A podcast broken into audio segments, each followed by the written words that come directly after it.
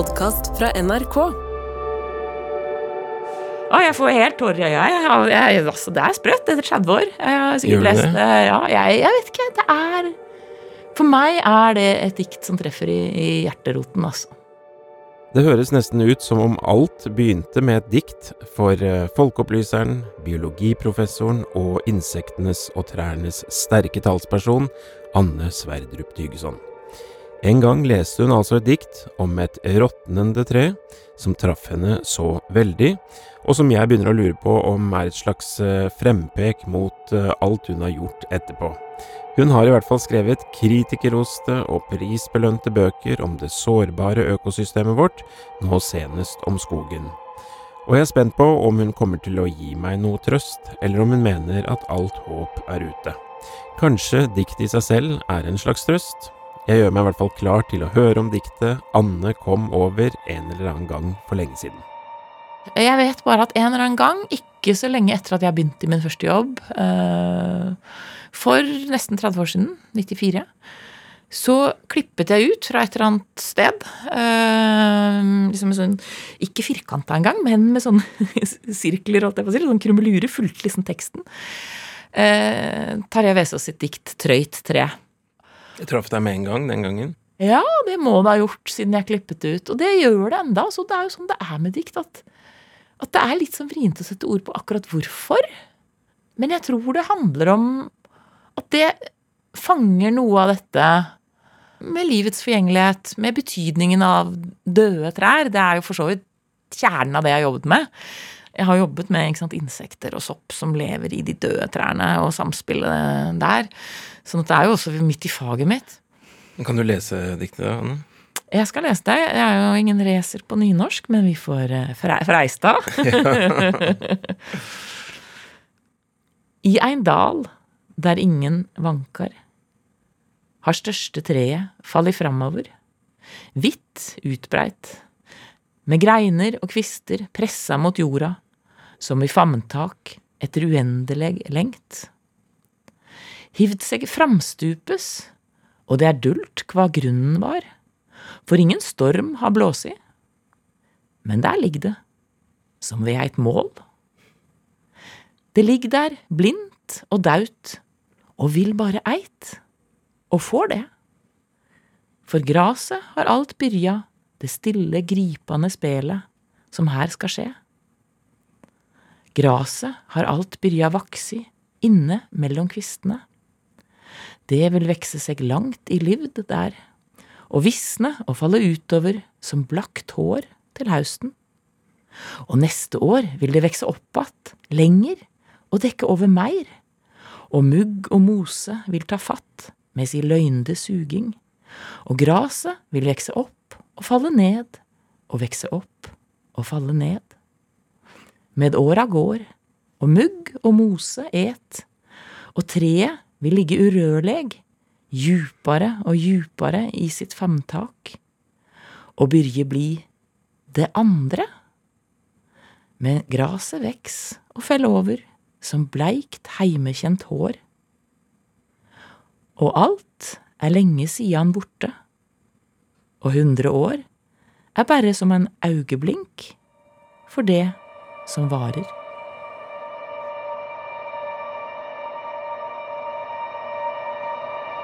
Men hvor i teksten er det det begynner å skje ting, da? flere steder. Altså helt i starten. eh, I en dal der ingen vanker har det største treet, ikke sant. Allerede der. Um, Du kan se det for deg. ja, ja, virkelig. Og det, det, det er mye i de eh, få ordene der. Eh, og du får jo litt sånn der kittelsenske assosiasjoner, ikke sant. Eller Cappelen, August Cappelen, ikke sant. Utdøende urskog. Liksom dette voldsomme uh, naturen som på en måte noe stort og mektig, og, og noe som var både skummelt og, og vakkert, Uh, og som vi både fryktet, men også trengte. Jeg er i skogen hver dag. Er du det? Ja, faktisk. Så, og det er jeg glad for, for det, det er jo litt sånn Ja, et sted du kan lande. dessverre er jo skogen Nå bor jeg på Ås, og den skogen der er nitrist. Det må jeg jo dessverre si. Hva er det som gjør at skogen på Ås er stusslig, da? Det er en ren produksjonsskog. Det er, den er, det er en skog som har vært flatogd, der trær er plantet ut på geledd, pent og pyntelig, står på rekker, eh, i tømmerproduksjonens tjeneste. Eh, det er ikke et eneste Altså, det er så å si ikke en pinne med noe dødt der. Og det er sånn Jeg, jeg merker det i godt, altså. Det er sånn Jeg må passe på hvor jeg går hvis jeg har en litt sånn ordentlig liksom, En litt sånn dårlig dag, da, hvor jeg trenger å, å, bli oppmuntret, så må jeg passe på å unngå de verste partiene, for der er det sånn at du nesten begynner å grine, altså, hvis du går inn der på en dårlig dag. Så Hva, hva, hva, hva er det ved det som gjør så inntrykk på deg, da? Jeg syns det er så stusslig.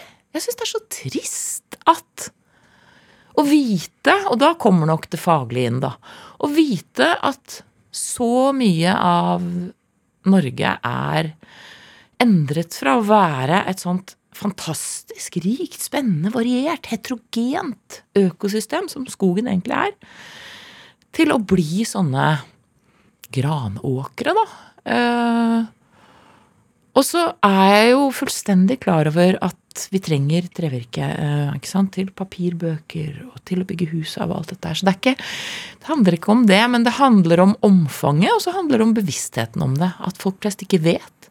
Kanskje trenger vi ikke å ha disse granåkrene helt innpå der folk bor. Kanskje burde vi prioritere skog som er fin å gå i fra et liksom, naturopplevelses friluftsperspektiv. Altså, tenk under covid. Det var jo hengekøyer i hver eneste furu. Folk valfartet jo til skogen, og det viser jo forskningen også. At folk eh, forflytta seg fra gatene mot naturen, og de, de um, foretrakk de områdene der det var tettest mellom trærne. Men når jeg har mulighet og kan dra på hytta, så er den rett ved Norges største barskogsreservat, Trillemarka. Og der er det vidunderlig å gå. Ja. Hvor, hvor, hvordan er det der? Der er det masse eldgamle trær som har stått her eh, altså, i så mange hundre år at du blir svimmel av å tenke på det.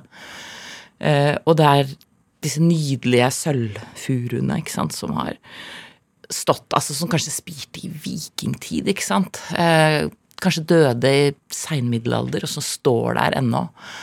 Eh, som er sånn ja, skogens svar på stavkirker. Ja. Eh, naturarv som Nei, jeg syns bare mm, Så å gå mellom sånne gamle trær og vandre blant de døde furuene, det Nei, det, det, gjør absolutt noe med meg, altså.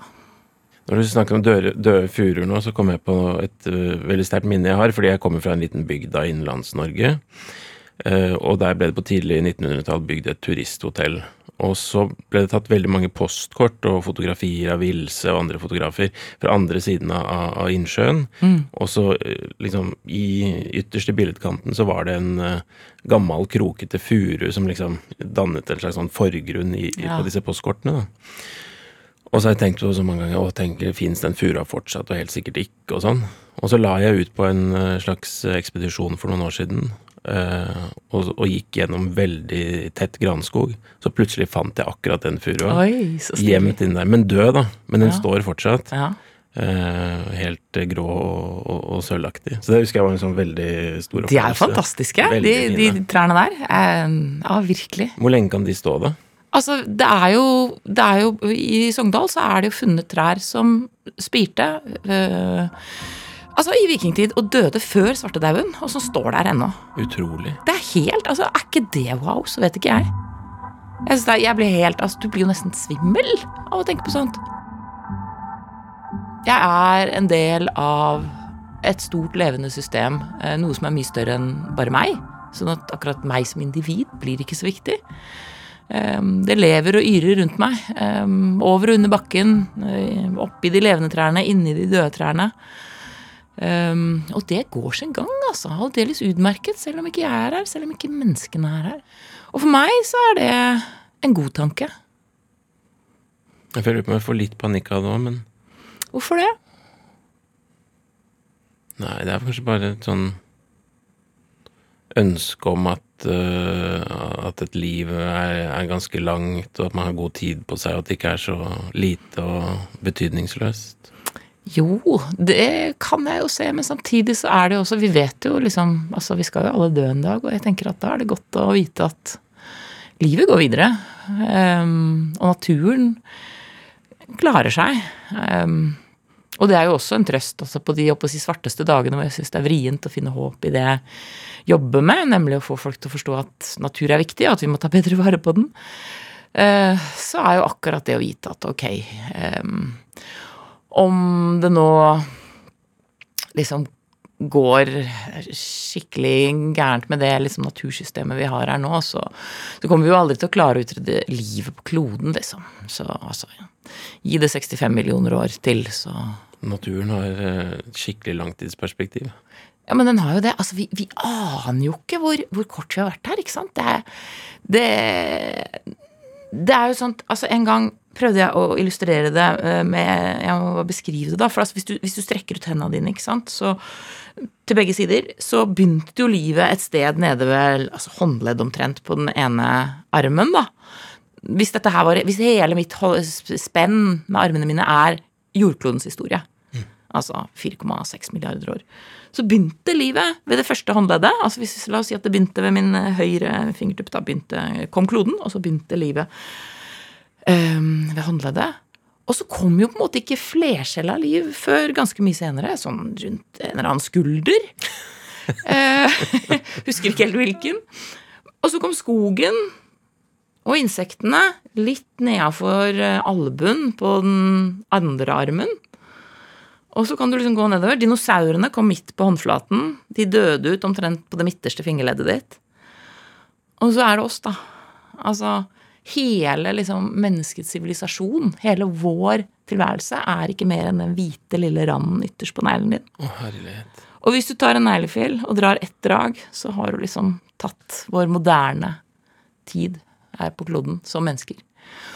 Og det gir jo litt sånn Jeg er jo litt glad i ordet ærefrykt. Eh, jeg tenker kanskje vi trenger mer av det òg.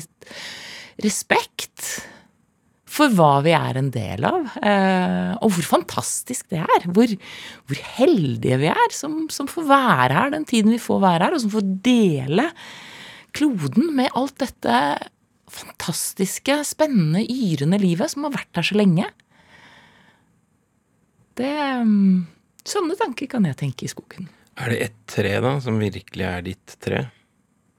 Jeg har jo et eh, tre som står eh, rett ved hytta mi på, eh, i Sigdal kommune. Som er en sånn gammel furu som står på kanten av en bratt skrent. Og som sikkert er mange, mange hundre år gammel. Den er død i toppen, så der er den sånn tyrigadd, som ofte furuer blir. Og så har den en sånn rot som velter seg utover som sånn en boaslange over eh, bergnabben.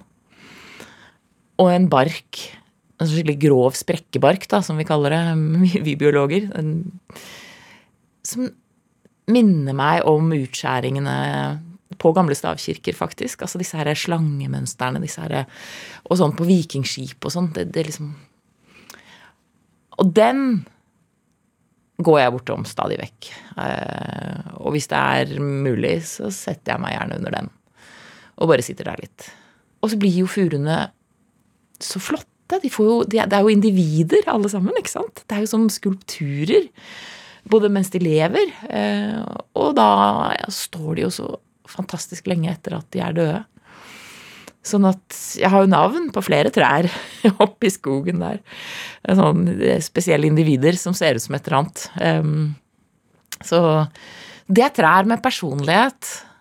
Du gjør jo ditt, uh, Anne, med å nå ut med dette budskapet til mange å skrive bøker som mange leser. Og når jeg hører diktet til, uh, til Tarjei Vesaas, så, så slår det meg at dere har jo sånn cirka akkurat samme budskap du har hatt med dette diktet og, og, det du skriver og snakker om? Kanskje er, det derfor det, kanskje er det derfor jeg liker det så godt. At det har vært med Kanskje er det derfor det har vært med meg så lenge, og at det, det klinger så sterkt i meg, da.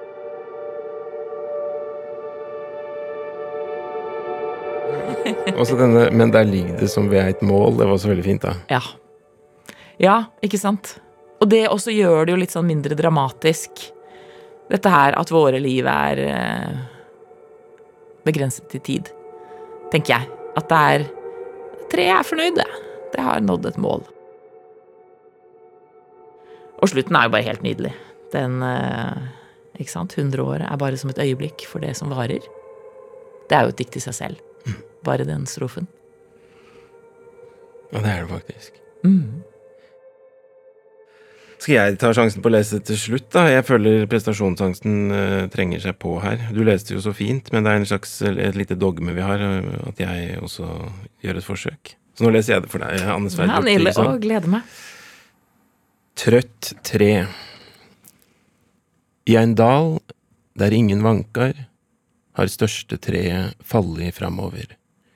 Hvitt utbredt, med greiner og kvister, pressa mot jorda, som i famntak etter uendelig lengt. Hivt seg framstupes, og det er dult hva grunnen var, for ingen storm har blåsi, men der ligger det, som ved eit mål.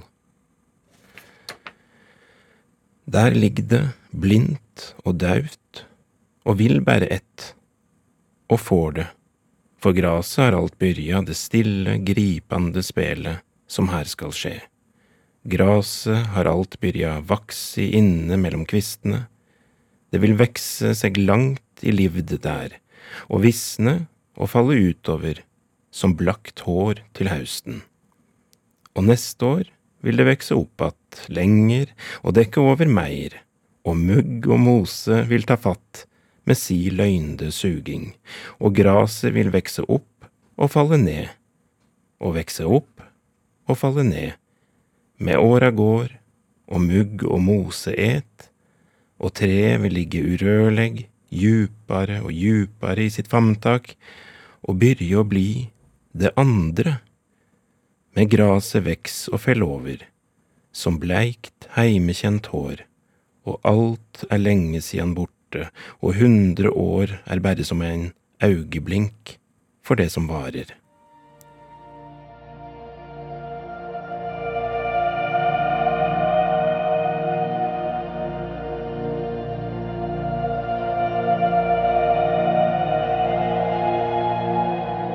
Del gjerne denne episoden videre med en venn, og det gjør du meget enkelt inni appen NRK Radio. Der kan du også trykke stjerne, og dermed følge oss, og aldri gå glipp av muligheten til å finne et nytt favorittdikt.